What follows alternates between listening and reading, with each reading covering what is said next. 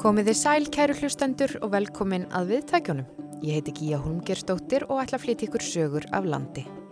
Í þessum þætti ætlum við að beina sjónum okkar að brótættum byggðum, verkefni á vegum byggðastofnunar þar sem markmið er að eh, fá fram skoðanir íbúana sjálfra á framtíðar möguleikum heimabyggðarinnar.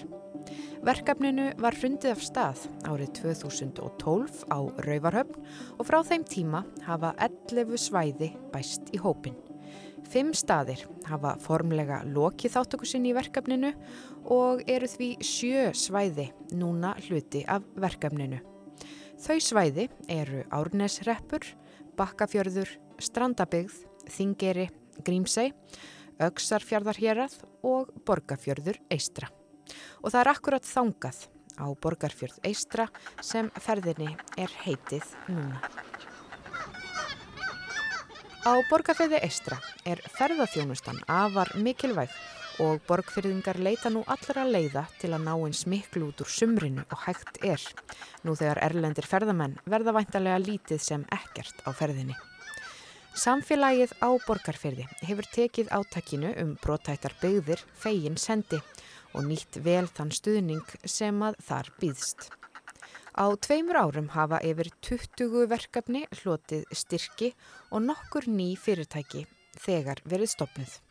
Ágúst Ólafsson var austur á borgarfyrði á dögunum. Aldamarín Kristinsdóttir, verkefnistjóri Brótættra byggða Östurlandi, borgarfyrðistri. Alda, af hverju erstu komundu borgarfjörð eistra? Já, góð spurning. Ég er reyndar tveggjara borgfyrringur í mánamótin. Mm. Hérna, ég fekk vinnu hérna. og við byggðir eins og við segir þetta verkefni og, og e, hvernig hefur gengið?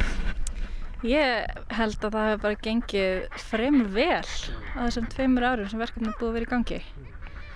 Uh, Ímis markmiði sem sett var fram í upphafi stóru smá og ég myndi segja svona góð blanda af því hafi bara nú þegar náðust að framkvæma mm. þannig að já, ég held að þetta gengi bara nokkuð vel. Eh, Þegar þú komst að þá já, svona samfélag farnallega ekki inn í menn séu það, það séu orðið, orðið hans er bátt ástand og, og margt sem, sem er að og þarf að laga hvað svona þegar þú komst inn í þetta fyrst fyrir ég að bráðum tveimur árum e, vissur þú hvað þú varst að fá í fangið?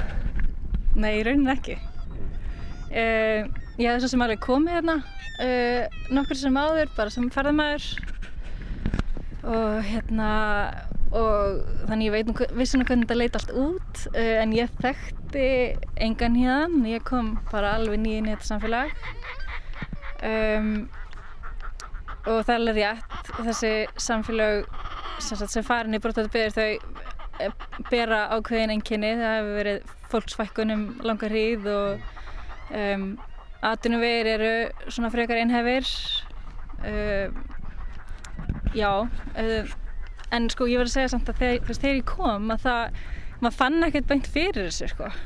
Það voru allir uh,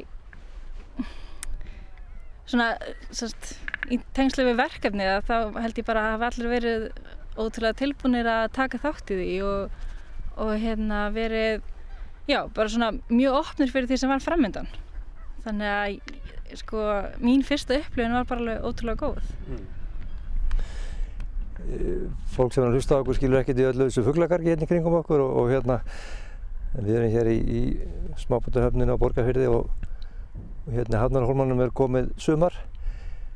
Lundin mættur og, og rittan og æðafuglin fara hérna undirbúðar heiðugerð og, þetta er kannski svolítið lýsandi fyrir umhverju hérna og, og e, hefur þetta finnst þér þetta skemmtilegt, hefur þetta heilað þig?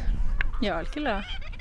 Náttúrulega bara þetta er náttúrulega bara ótrúlega magnaðan staði og bara borgarfrýður er það og hérna og kannski þekktastur fyrir svolítið landslæðið og náttúruna og fólkið og, mm. og hérna, já þannig að já, algjörlega En uh, Hefur þú verið í einhverju svona áður, einhverju svona verkefnum vinnu eða e, já, einhverju svipað eftir kannski komin úr, úr allt, allt öru umhverfi? Ég kem bara úr ferðarþjónustu eiginlega. Ég held að ég geti sagt að það sé svona, hefur verið mitt aðalstarfi gegnum árin. E, bara, já, frá því ég var krakki sko. En hérna, ferðarþjónusta er náttúrulega svona svo atvinnugrein sem að hefur vaksið hvað mest á landsbyðinni hefur skipt ótrúlega miklu máli fyrir landsbyðina og ég hef verið að vinna í ferðarþjónustur bæði, bæði hér fyrir austan og, og í mínu, mínum heimabæ hellu og í Reykjavík þannig ég hef svo sem alveg reynslu við að mm. hvað það var þar Nú er uh, þessi blessuð korunavera uh, búin að setja alltaf hliðina og, og já ég við höfum til dæmis eftir því að, að fyrirtæki sem er treyst á sumarið að það lítur mjög illa út fyrir það og borgarfjörður er kannski þó svo að hér séu stönduðar útgerðir og, og heilsásatfinna hjá, hjá ansið mörgum að, að þá er sumarið aðal tíminn hér og ferðarmannatíminn hvað verður með það í sumar? Já við erum bara við vitum það náttúrulega bara eiginlega ekki. Það er, ég minn við náttúrulega verðum bara að vera frekar björnsin og ég, ég, myna, ég er það svo sem alveg. Og ég, mér heyrist það á ferðarþjónustælum að þeir séu það líka þó að, þó að þetta sé algjörst óvissu ástand ég minna á þessum tímapunkti og kannski svona þegar þessi veira var að ná sér streik hér á Íslandi að þá átti einmitt ferðarþjónusta sérstaklega hérna borgarfjörð að vera að taka við sér svona massa-apríl hérna, um það leiti og og það náttúrulega dettur alveg niður og er svo sem ekkert komið á stað aftur og við sjáum ekkert endilega að það sé að fara að gerast. Það verður með þá eitthvað algjörlega breytu sniði. Og við vitum það í rauninni ekkert fyrir en bara ég veit það ekki, maður í júni hvernig, hvernig framhaldi verður. En ég minna auðvitað geta Íslandingar ferðast og við vonum náttúrulega að þeir gera það. Og mér finnst að allir ætti að koma að borga fyrir allavega einu sinni og að því að, að, því að þeir eru búin að því þá, þú veist geta ekki hægt sko, eins og smakka og getur ekki hægt. Þannig að ég vona að það verði bara raunin sko. Hér eru, já hvað einhverju fjóri veitingastarur sumrin og, og tvö hótel og, og auk, auk annara gistingar og, og já, mikil fjárfæsting og aðþreying alltaf eins og segir sko þannig að það er mikil fjárfæsting og já, þetta þorp kannski lifnar rosalega á sumrin þannig að þetta verður öðruvísi. Já, algjörlega. Og bara í rauninni bara erfitt að ímynda sér. En ég finna borgfyringum finnst gaman að skemmta sér og skemmta öðrum að, og það verður eitthvað í gangi náttúrulega mm. en, en bara einmitt með breytur sniði sjálfsagt mm. Segð mér þess að því hvaða verkefni þú hefur verið að koma að og, og svona hvaða verkefni hafa farið af stað hérna eftir að já, í, í, með þessum stuðningi brotatara byggða. Það hefur ímsett gert hérna á þessum tveimur árum? Já, það er bara mjög margt gæst. Mm. Það eru náttúrulega ímið svona stór verkefni svona, sem getur kallað kannski svona samfélagsverkefni eins og uh, til dæmis að opna maturverslun aftur sem að hafði lokað uh, og var lokað þegar ég kom hérna 2018 en það var eitt af svona aðalmarkmiðum hjá íbúum var að opna hana aftur mm. og það gerist bara strax alltaf um sumarið hrætt og vel.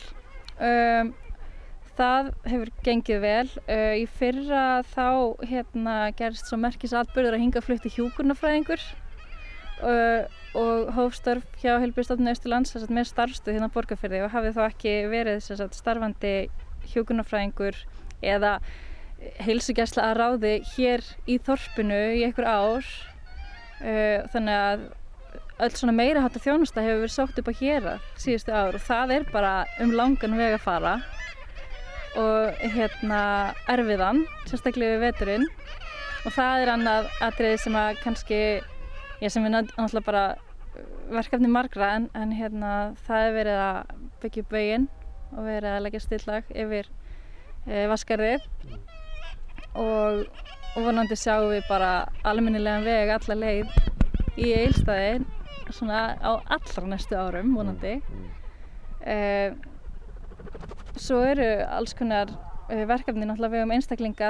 Veittir eh, styrkir einu svona ári í tengslu með þetta verkefni með, á meðan verkefnistímanu stendur.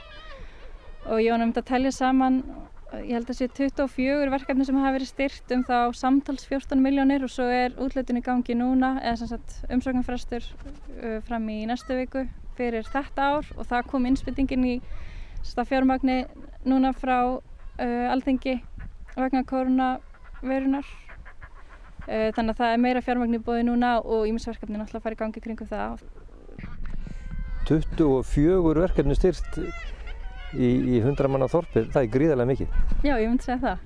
En hvað séu mörg af þessum fyrirtækjum breytast í, nei, mörg af þessum verkefnum breytast í fyrirtækjum?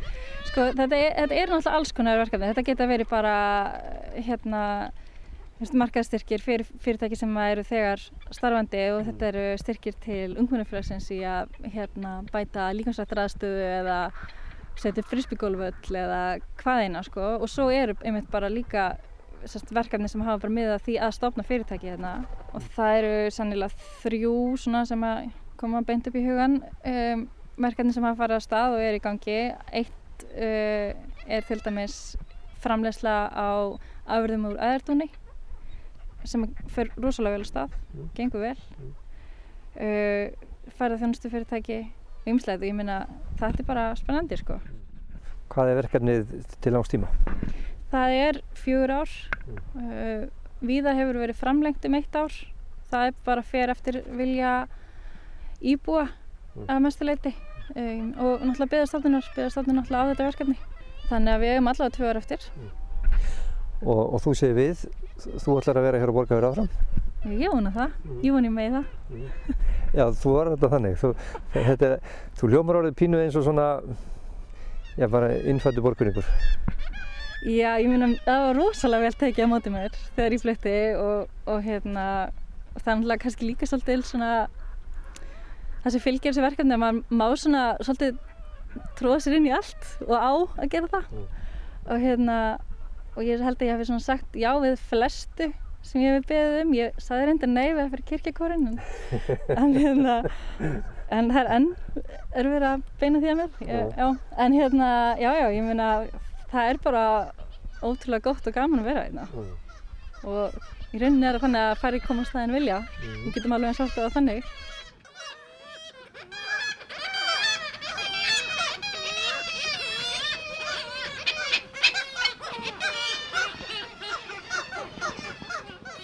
Já, vandi svona byggða er, er, er, það vantar ungt fólk, það vantar börn, það vantar barni fjölskyldur. Eh, er það samanstæðan hér eða, eða er ungt fólk að, að koma hér heim og, og eða ég að fjölga? Uh, já, sko í skólanum í vetur eru, í grunnskólanum í vetur eru fimm börn og eitt að lögskóla. Það er náttúrulega, er náttúrulega fækkun milla ára. Um, en það er samt ungu fólki að fjölga hérna og það er vonu einu litlu kríli núna bara um, um hérna í, í júni mm. um, þannig að já já ég meina vorandi bara bætast fleiri við mm. Þeir sem að búa í, í markvaldstæri samfélögum rekka sennilegum stóru þegar, og eiru þegar þeir heyra því segja að það séu fimm börn og, og, og þetta sé bara, já já, bara allt í fína Já, ég meina auðvitað vildi ég og við að þau væri fleiri, mm. skiluru, og hérna, og það er alveg plás mm. eh, fyrir fleiri, sko, þannig að þetta er bara, þetta er bara mögulegar fyrir þá sem eru að hlusta. Mm. Ég skilst að, að reppurinn ætla að fara að byggja? Já, það eru standið til að byggja tvö parhús uh, núna bara í sömar.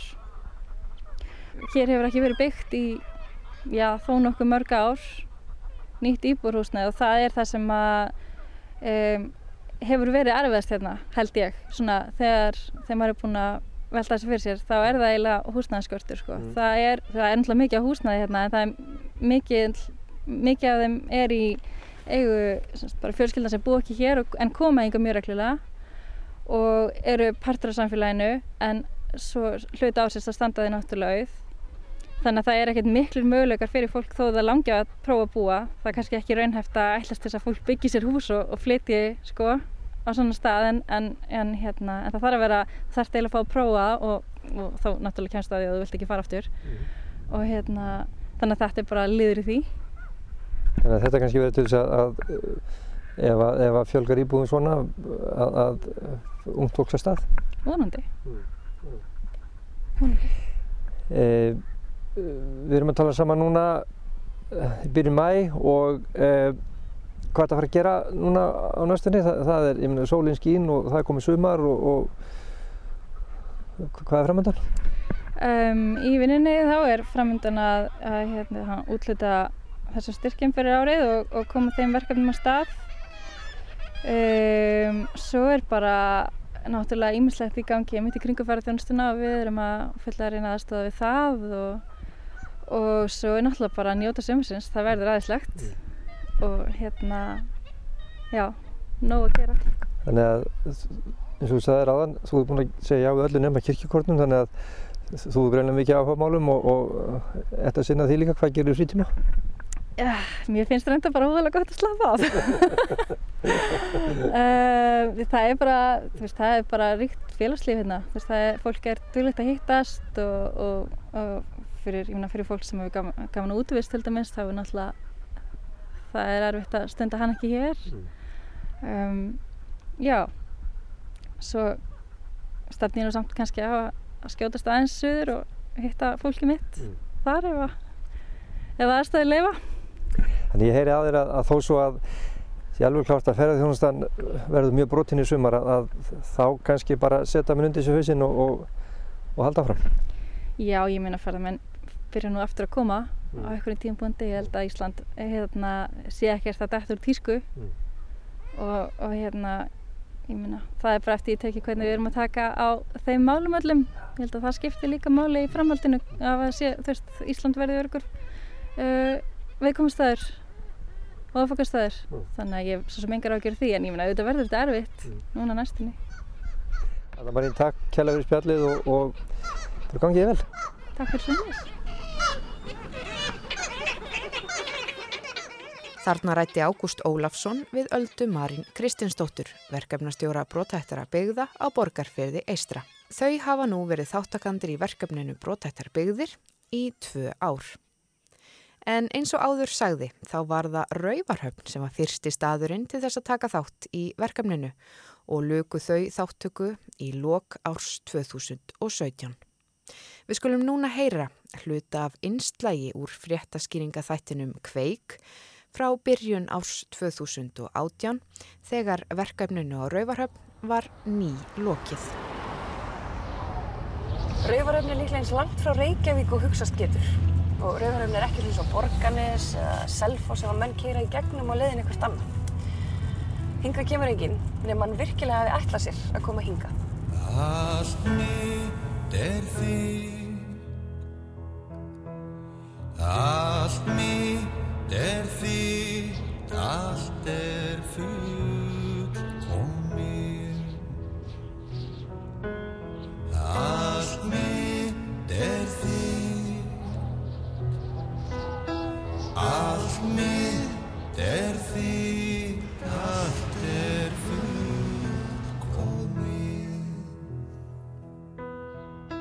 Rauvarhöfn er einn af útferðum Íslands í norðri.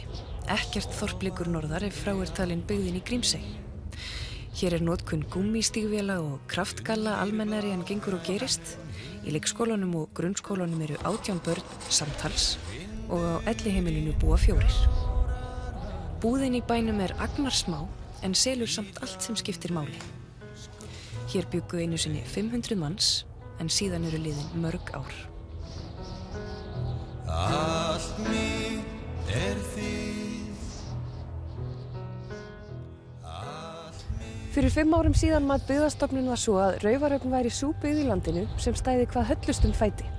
Þá var árið 2012 og byggðin hafði gengið í gegnum röð áfalla sem höfðu leitt til þess að íbúum fækkaði um meira en helming á 15 árum. Kvótin var á bak og burt og búið að loka bræðslunni.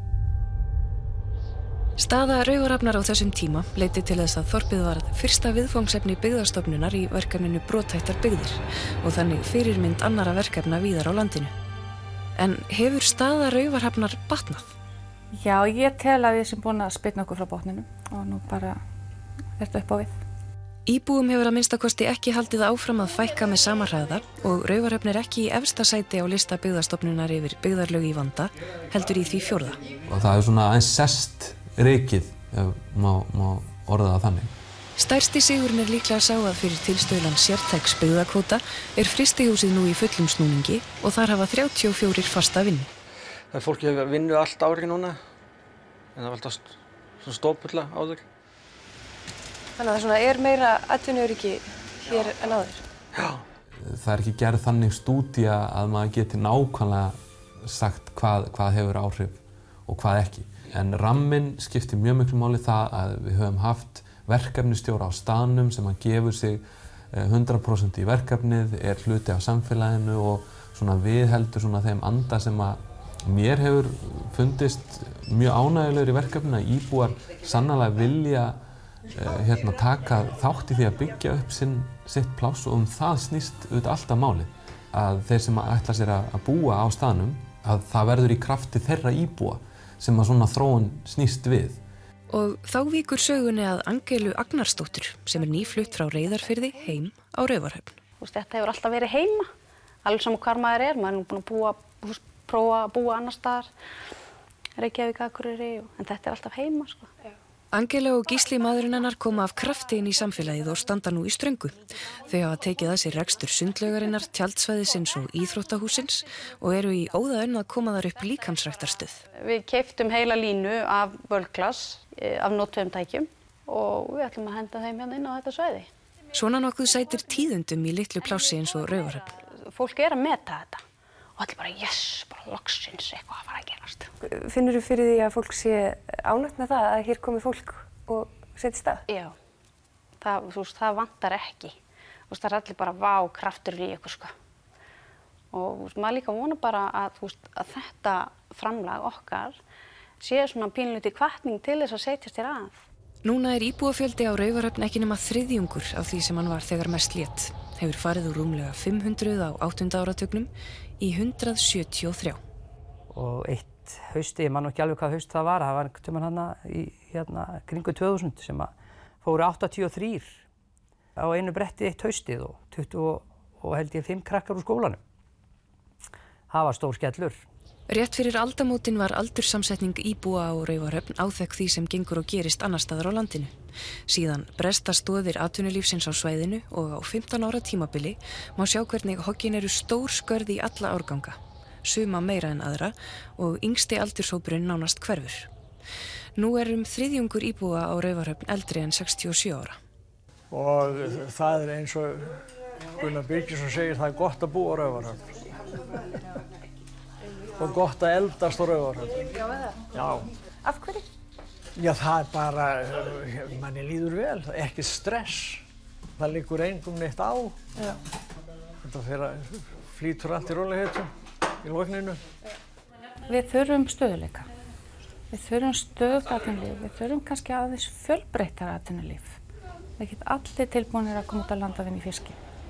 Þó að, að það sé náttúrulega okkar aðal aðtunum En það gætt Brynja Dögg Björnsdóttir velhugsað sér. Hún er 19 ára rauvarhafnarbúi, ný útskrifuð úr framhaldsskólanum á laugum og á leið í Líðháskóla í Danmörku.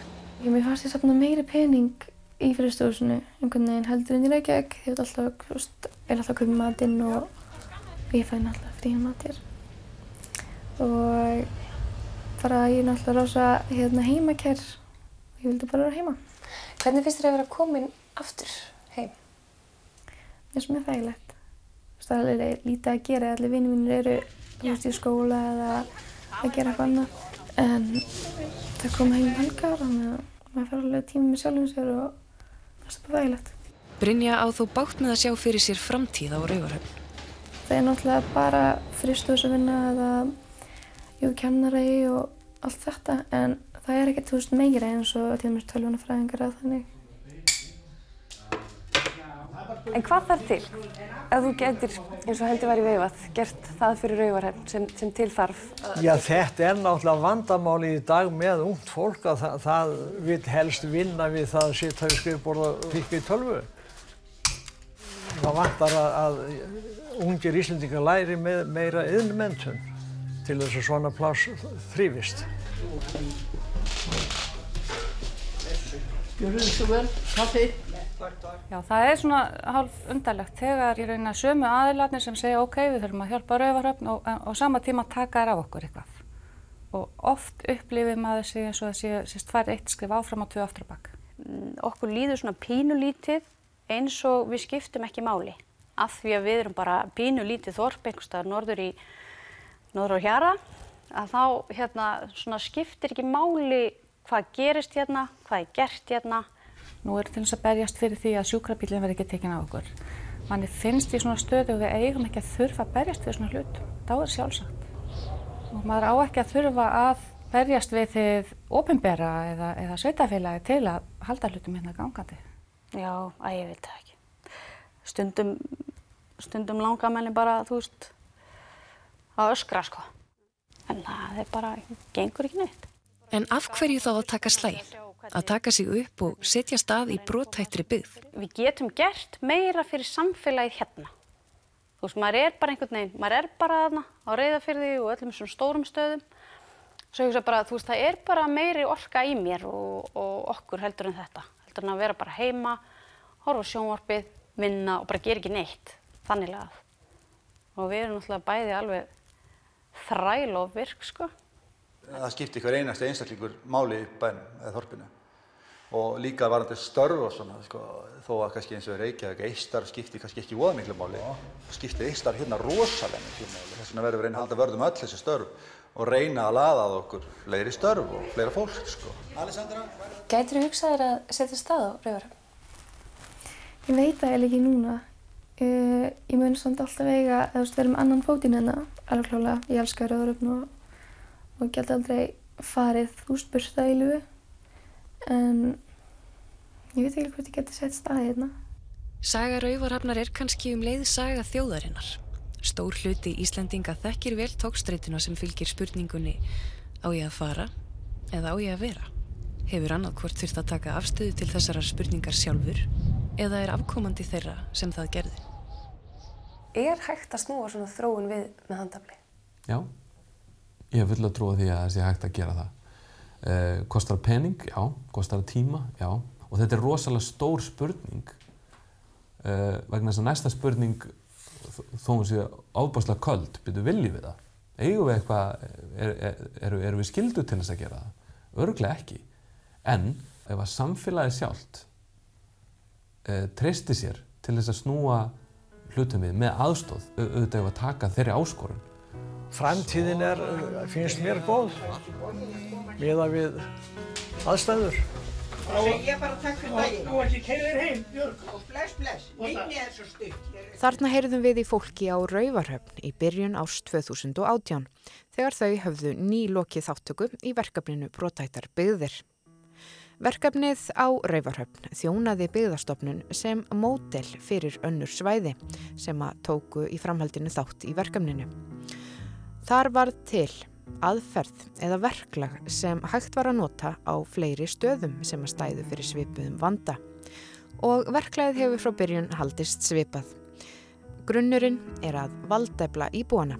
Íbúaþing eru haldinn þar sem fólkið sjálft setur þau mál á dagskrá sem að brennur á þeim. Samfélagið finnur lausnundnar og fylgir þeim eftir. En þrátt fyrir að verkefnið brotættar byggðir valdefli íbúa á fámennum og viðkvæmum svæðum þá eru ímsar áskoranir sem leysast ekki svo auðveldlega eins og við heyrðum í einslæginu hér áðan. Íbúar á þessum svæðum upplifa oft eins og þau skipt ekki máli af því að þetta er bara pínulítið svæði eða pínulítið þorp. Þau upplifa að þau þurfa að berjast fyrir hlutum, sjálfsögðum hlutum eins og sjúkrabíl og sundlögum og stundum vilja þau bara öskra út í vindin. Og dæmi um fleiri áskoranir eru til að mynda skortur á húsnæði, raforku, öryggi, fjarskiptasamband og lélegar samgöngur. Og síðan eru mörg svæði sem að gerðnan vildu fá að vera með í verkefninu Brotaktar byðir en uh, fá ekki ingöngu, eru sett á byðlista því það eru aðrar byðir mun brotættari en þau. En frá Rauvarhöfn, fyrsta þáttakandanum í brotættum byggðum, þá ætlum við næsta færa okkur til Hólmavíkur á Ströndum, sem er nýjasti meðlimurinn að verkefninu. Þar er vorið komið og við fáum okkur sæti í glampandi sól í bakgarði húsins Snæfells. Þar hitti Elsa Maria Guðlöks Drífudóttir, fréttamaður, hanna Ester Ösp Valdimarsdóttur sem að situr í framkvæmdaráði brotættra byggða í Strandabyggð. En verkefnið þar er nú að taka sín fyrstu skref.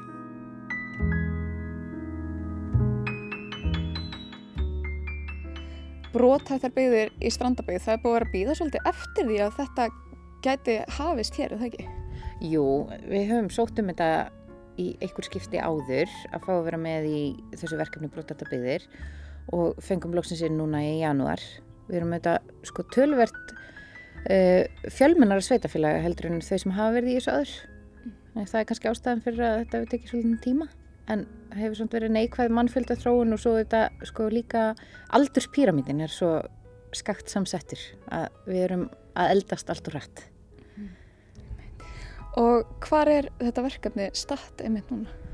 Við sagt, fengum inn bara núna í upphafi árs og það sem er byrjað að gera er að velja í verkefnastjórn og svo er alltaf uh, byrjað á því að halda íbúðing sem tekur heila helgi þar sem að öllum íbúðum er bóðið að koma og taka þátt og það þetta hefur bara ekki verið í bóði út af eh, COVID-faraldri. Mm. Þannig að við erum búin að vera svona soldið á bremsunni og alltaf að fresta því hvernar íbúðingi getur verið og eins og staðin er núna þá vonustu til að geta haldið það meðan júni og uh, vonu bara allt gangi upp með það. Og almennt séð að það má eiginlega ekki byrja að gera neitt fyrr. Þannig að hugmyndin er að hugmyndin er komið frá græsrútinni, allir fá jafnan möguleika og þetta sé svona meira flatur struktúr þetta sé ekki sömu einstaklingarnir endilega og vanalega og ekki endilega stjórnvöld eða, eða sveitarstjórn eða eitthvað svolítið sem er að koma með hlutininn á borðið heldur bara hver og einn hefur jafnan möguleika mm -hmm. e, þannig við erum að reyna svona núna að finna leiðir í kringum þetta af því að e, ríkistjórninu hefur komið með auka fjármagnin í þetta verkefni Eh, sem að þarf að útlita í sumar og þar á meðal er eh, svona samkjæmnisjóður með allra sjö sveitafélagana sem að eru í brotettum byggðum og hvert og eitt sveitafélag má þá senda inn eina til tvær svona úrvals umsóknir mm. að hugmyndum sem að þau vilja láta framkvæma hjá sér og svo verður bara samkjöfnispottur um það og við auðvitað viljum hafa jafnan möguleika í því og allir aðrir þannig að við uh, erum núna bara með hjálp tækninar að sapna hugmyndum inn á Google Forms og erum bara að halda kynningafundi á Zoom og svona svo fólk geti kynnt sér þetta. En kannski ef að verkefni sjálft brótættar byggðir, hvert, hvert er markmiðið? Hvað vil maður gera með setjafélaginu þegar það tekur þátt í brótbyggðum? Fyrst og fremst að, að gefa nýjum hugmyndum tækifæri og byrjundu báða vangi að hérna ebla nýsköpun í, í atvinnu og menningarlífi og markmið okkar er síðan ekki hvað síst að, að fleiri kannski festi sig í sessi hérna og fá yngra fólk til að búa hérna. Mm. Það er svona eitthvað sem við sjáum fyrir okkur að þurfa að gerast til að, til að beigðin haldist blómleg til mm. lengri tíma. Mm -hmm. Hvernig er svona nýbúa staða hérna? Þú, þú fluttir hingað til Hólmavíkur, þú ert ekki upprönnin hér eða hvað? Nei, hvorki ég nefn maðurum minn. Við höfum engar rætur hér. Uh, við komum yngar fyrir held ég sjö árum og vorum ekkert endilega vissum að við myndum ílengjast en svo erum við hérna enn og það er svona, það er alltaf einhver reytingur af fólki sem að kemur og fer og, og, hérna, og eitthvað af fólki sem að ájapir lengar rætur hingað mm. sem er náttúrulega bara dásanlegt og, og fólk ílengist mislengi, sumur eru árið og tvö og aðrir eru er allt í núbúin að vera 20. Mm. En hvað er það? Hvað var til þess að þið eru hérna ennþá? Sko, ég fekk hérna spennandi starf og fannst það mjög skemmtilegt og hérna, en svo bara var það eiginlega fyrst og fremst, það er bara svo gott að vera með börnun okkar hérna. Og við eigum fallanstrák sem er að verða tíu ára núna og við hefum bara hverki fengið einhvern veginn betra utanumhald held ég með hann. Mm. Og það er líka eitthvað svona sem að maður hugsar kannski að maður tekur ekkert sensin, maður fara ekkert annað og maður veit ekki hvað maður hefur en maður veit að hlutinir eru bara eins góður og maður getur ímynda sér það sem maður er. Þannig við hefum fengið rosalega góðan stuðning og þjónustu með það allt saman og, og skólinn hefur tekið rosalega vel utan um það, eða skólarnir báðir. Uh, og svo bara höfum við alltaf haft nóga skemmtilegum verkefnum og, og flottum hlutum til að gera. Uh, það er auðvitað sko, meiri tími í sólarhengnum og það er ekki mikið stress að keira og sækja og vera út um allt. Við höfum meiri frítíma. Ég held að sko, fjölskyldur með fjögur bönni í Reykjavík, maður, það er ekkert alveg raun eftir að maður getur verið með einhver gæluverkefni eða tekið þótt í leikfélagi eða kóri eða eitthvað þannig að maður er alltaf svo langt frá og það er svo mikil fjárfesting í tíma og orku. Mm -hmm hérna er það auðveldara held ég um, og svo þetta fjárhagsáhyggjur er, stór biti að þurfa ekki að hugsa kannski endilega um hverja krónu því að lífið er ódýrara það er meira afgang sem maður getur búið sér starra heimili með og leitt sér að gera fleiri hluti sem mann langar til mm -hmm. En brótættarbyggðir er eitthvað sem að þið eruð að sjá fyrir ykkur að fá í þessu verkefni eða eigið þið bara eftir að sjá hvað brist fram? Já, ég er að vonast til að ofbúslega margt komið mér óvart. Eh, nú er ég búin að opna þessa könnun hann á Google Forms og til 10. mæ getur fólk sendt inn hugmyndir eh, og svo þetta kemur íbúðþingi og þar komur vonandi enn fleiri hugmyndir og ég er að vonast til að sé alls konar fólk með fullt af dóti og ný skuffu sem að það hefur verið lengi að hugsa um og hefur ekki látið verða að ég sjálf er ég auðvitað með alls konar hugmyndir og á vinni sem eru með hugmyndir en, en það er það sem er spennandi við þetta kannski að fá allt hitt sem maður hefði ekki hugmyndum En þarf maður að vera strandamæður til þess að koma með hugmyndir? Nei, alls ekki. Alls ekki, það er sterkur leikur að geta bent á eitthvað sem að vera sniðut að tala við til að útfæra hugmyndina. Mm -hmm. það þarf auðvitað einhver kannski að halda utanum hana hérna. Mm -hmm. og svo þarf hún að vera, hún þarf að einhverju leita að gerast hér. Og hérna og vera kannski eitthvað vakstabróti fyrir þetta samfélag. Og þetta væri það frábært að á þessum fjórum árum sem við verðum í þessu verkefni að þá verði til jáfnveil ný fyrirtæki og, og ný störf og, og fleiri muni svona sjá möguleika hérna og að lifa hér. Og það er náttúrulega heilmikið að gerast í þeim efnum. Og ég sé alls konar tækifæri sjálfur sér í þessu skritna korunu ástandi núna að störfa án staðsetningar verða kannski bara raunverulegur möguleiki mm -hmm. og uh, þjónusta hjá ríkinu og annar staðar og hún fer kannski bara meira á neti og fólk fer að átta sig á að þetta er hægt mm -hmm. og núna er náttúrulega það sem hefur verið undarfarnar mánuði menningarlega séð og, og svona viðburðarlega séð þá eru við öll jafn, nálægt eða langt frá hvort öðru við höfum alveg jafna möguleika á að vera í leikúsi og svo sem býr í hundra á einum og og alveg jafna möguleika á að búa eitthvað til hérna og bjóða fólki að taka þátt í því og, og þeir sem eru Reykjavík. Mm -hmm. og það er svolítið spennandi og vonandi höldum við kannski svolítið í það. Þannig að uh, þú sér þá þannig að faraldurinn geti jafnvel orðið ákveðin liftistöng fyrir landsbyðina Vonandi. Og þetta hefur náttúrulega kannski oft verið mest í mínu sem jújú, sumir segja að þú getur ekki fara á kaffu og þú getur ekki fara í bí og eitthvað svona en hver er alltaf að því þegar hann býr í Reykjavík og veist, það er ekkert rosalega margir sem er alltaf alltaf í kringlunni eða alltaf í bíó eða eitthvað. Og það kannski breytist ekki þetta við höfum ekki jafnan aðganga því. En, en það er það sem að raunverulega hefur áhrif á lífið okkar dagstælega er að maður kannski getur ekki farið til sálfræðing sem maður þarf því að halda eða getur ekki tala við sérfræðingi í ykkur eða kemst ekki á okkur fund út af vinnunni sinni að því að maður er langt í burtu. Ef þetta er allt sem mann komið bara netið þá er opbúslega lítill munur á eða sko, opbúslega fátt sem maður er að tapa á flytti burtu úr Reykjavík. Mm -hmm. En talandu um faraldurinn, hvernig, hvernig hefur hann haft áhrif á samfélagi hérna í Holmæk og Strandavegð? Sko, við höfum bara sloppið ótrúlega vel. Það var ekki verið veikindi eða neitt þannig en auðvitað hafa verið lokanir og takmarkanir á þjónustu og það hefur auðvitað hjálpa til við að passa að það verði ekki meiri útbreysla. E, þannig að það hefur verið lítið félagslífi í gangi mm -hmm. og mjög takkmarkað skólahald en fólk er líka hraust þannig að vonandi bara erum við að fara að sigla hægt og rólega inn í bara hefbundi líf upp og nýtt og, hérna, og allir, allir sleppu með skrekkin það, við erum að vonast til þess og það bara lítur út fyrir það En heldur að verða eitthvað breytingar, eitthvað varlega breytingar sem við tökum með út af þessari reynsli? Ég er kannski fyrst og fremst að að treysta á þetta sem ég var að tala um áðan að við mhm. verðum svona sjálfsörgari með að, að vinna kannski í fjarska og hérna og vera í samskiptum og öðru formi heldur en bara beint í holdinu og það er svona það sem að ég treysti svolítið á Mhm. að breytist með þessu og þá einhvern veginn nálgust við öll hvort annan miklu meira og, og þar hvar, hvar við raunverulega erum fyrir að skipta minna máli og þá getum við bara hagað okkar lífi meira eftir okkar hendisemi.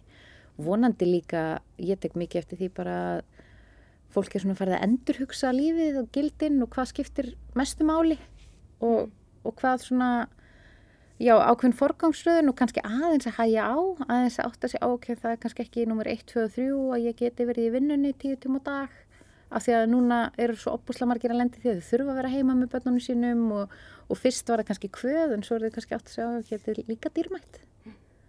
Vonandi Þannig að geti alltaf verið að við tökum með okkur uh, kannski heilnæmara lífsviðhorf út af þessu. Ég vona það og þetta mjög margir, núna hefur fólk ekki komist í líkansartastöðvar og eitthvað svo leist, fólk er meira stund að úti veru. Ég er sjálf að reyka lítið jókastúdíu og er með jókatíma á netinu og það er bara oft mörgundur manns sem að fylgja því.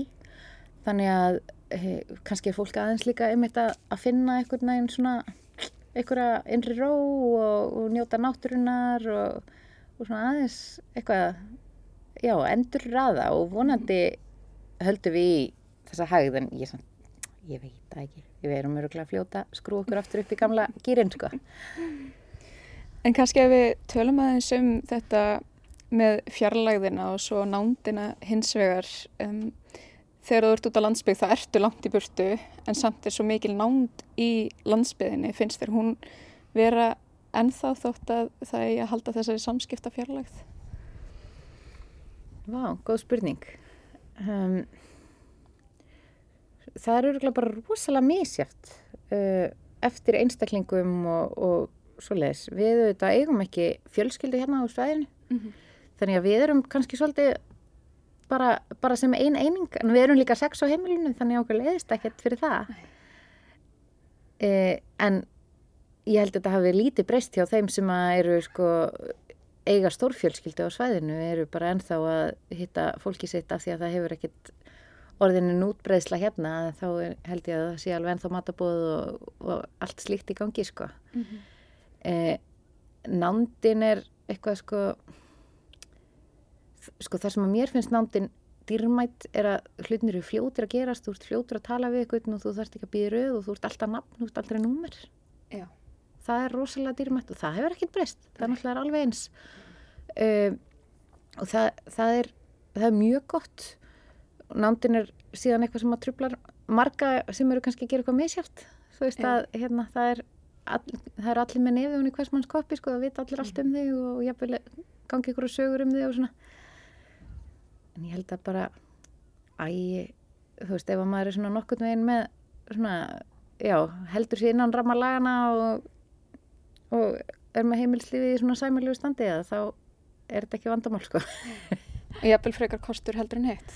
Já, jafnvel, þetta er náttúrulega geggjað eins og með krakkana, þú veist, ég meina, það, það er ekkert sem heitir að vera týndur. Það er bara, þú setur bara inn á Facebook bara hver er barnið mitt og það er bara komið eftir fimm minútur, skilur Allir þessi hlutir eru náttúrulega mjög þægilegir, sko. Mhm. Það eru allir, það þarf þorp til alveg barn og allt það. Það er mikil kostur. En kannski svo við snúum okkur aftur að brothættum byggðum, þetta eru hvað fjögur ár sem að þetta spannar? Já, yfirleitt. Það eru held ég einhver fordæmi fyrir því að þetta hafi verið lengt upp í fimm ár en ég held að sé síðan ekki lengra en það. Mhm. En vonin er þá að þau verkefni sem að verða til á þessum tímabili, þau kannski ávakstist fram í framtíðina? Já, þetta er svolítið meira hugsað eins og svona stökkpallur fyrir eitthvað sem að verður síðan til lengri tíma og, og hjálpi okkur svona að, að ebla byggðina og, og halda okkur kannski, það er mikill metnaður hérna í mörgu, veist, í skólamálum og, og menningamálum og svoleiðis en, en okkur vantar kannski fleiri og fjölbreyttar hluti sem eru fastar í hendi.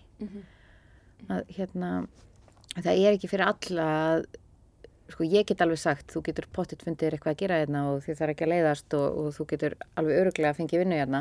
En það er ekkit fyrir alla að stökka kannski alveg í svo djúpa laug. Sem er vilja náttúrulega bara fá sinn, sinn fasta launaseðil og, og vinna í sínu öruga fyrirtæki sem, að, sem að er í einhvers konar framleiðslu eða eitthvað svoleiðis. Og þar kannski vantar okkur meira. Mhm. eh, en við tökum líka vel á móti öllum öðrum hugmyndum sko. Við erum mjög, mjög skemmtarna glöð hér og menningar, menningar glöð. Og þú þarf kannski ekki að vera með hugmynd sem er alveg mótið langt fram í framtíðina. Þú getur komið með bara eitthvað ómótað eða hvað.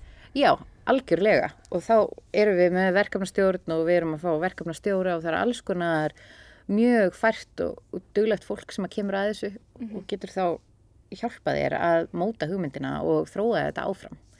Þannig þetta er ekki hérna, ein, það sem er sapna, við erum að sapna núna á Google Forms, það er bara e, veistu um góða hugmynd, það þarf ekki eins og vera þína einn hugmynd, mm. Af hverju er þessi hugmynd sniðu og veistu við hvernig við erum að tala til að útfæra hugmyndina? Þú veist, það er ekkert meira þannig að það getur bara verið þú bara veist af því að Lúli í næsta húsi var eitthvað tíðan að tala um eitthvað tíðan þegar hann var búin að fá sér aðeins og mikið í glas eitthvað sem þér fannst sniðugt en hann mhm. myndi aldrei þóra að tala um það, þú getur hent í aðnin þú veist, af því þá göngu við og eftir Lúla og bara, því að stundum er þetta líka bara spurningum, það er ekkert allir með sjálfströst í að framkvæma svona og telja sig kannski ekki alveg geta og svona, nú er verið kannski að búa til eitthvað skonar umgjörð þar sem að þetta er einfaldara og, og þú farið einhverja aðstofað. En segjum sem svo að ég er með hugmynd, mm. hvert snýjum mér? Þú byrjar á því að senda, það er sem sagt uh, linkur inn á strandaböð.is þar sem þú getur skrifað inn hugmyndina þína. Þar eru við að vinna núna og svo verður íbúið þing og það er náttúrulega mjög gott að, að mæta með hugmyndina þangað og segja frá henni þar. Og, og svo ræðum við bara allt sem okkur dættur í hug á þessum stöðum og mögulega kannski finnur þú þá samlið með ykkurum. Þú ert með ykkur hugmynd sem að smellpassar við hugmynd eitthvað annars og getur orðið að ykkur er ennþá flottara. En það eru þetta líka það sem við erum að reyna að búa til, svona eitthvað, eitthvað sko, pallbord það sem, að, það sem við getum deilt þessum hugmyndum og, og leiftum að vaksa saman í staðan fyrir að vera kannski hver í sínu hodni og ná ekki. Og það er oft vandin í svona litlum samfélögum líka að sko, fólk er með fullt af flottum hugmyndum og það er fullt af tækifærum. Það er endalist mörg tækifæri sem að mjög margir vita alveg af. Mm -hmm. en fólk er líka bara upptikið það er allir í vinnu, það er allir með fullt í gangi í sinu lífi og það vita allir að það væri rosa sniðut að, að gera alls konar. En okkur vantar líka bara fjármagn og tíma. Þannig að vonandi getur við skapa það. Umlega að kemur eitthvað fjármagn þá getur maður bara ráðið eitthvað til að gera það sem mér finnst rosalega sniðut en ég er of upptikinn í.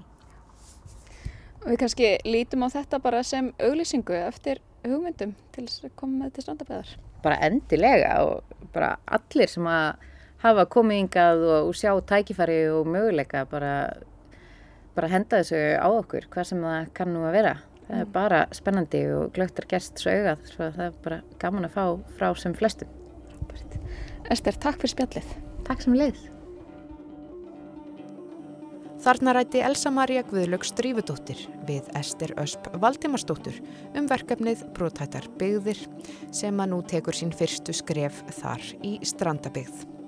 Og það er áhugavert að velta fyrir sér hvað mun nú gerast á brótættum svæðum landsins þegar allt landið og allur heimurinn hefur þurft að endurhugsa lífið og tilvöruna vegna COVID-19. Mun faraldurinn auðvelda fólki að vinna hvaðan sem er innleiða í auknum mæli störf án staðsetningar. En á þessum nótum þá er komið að lokum í sögum á landi í dag.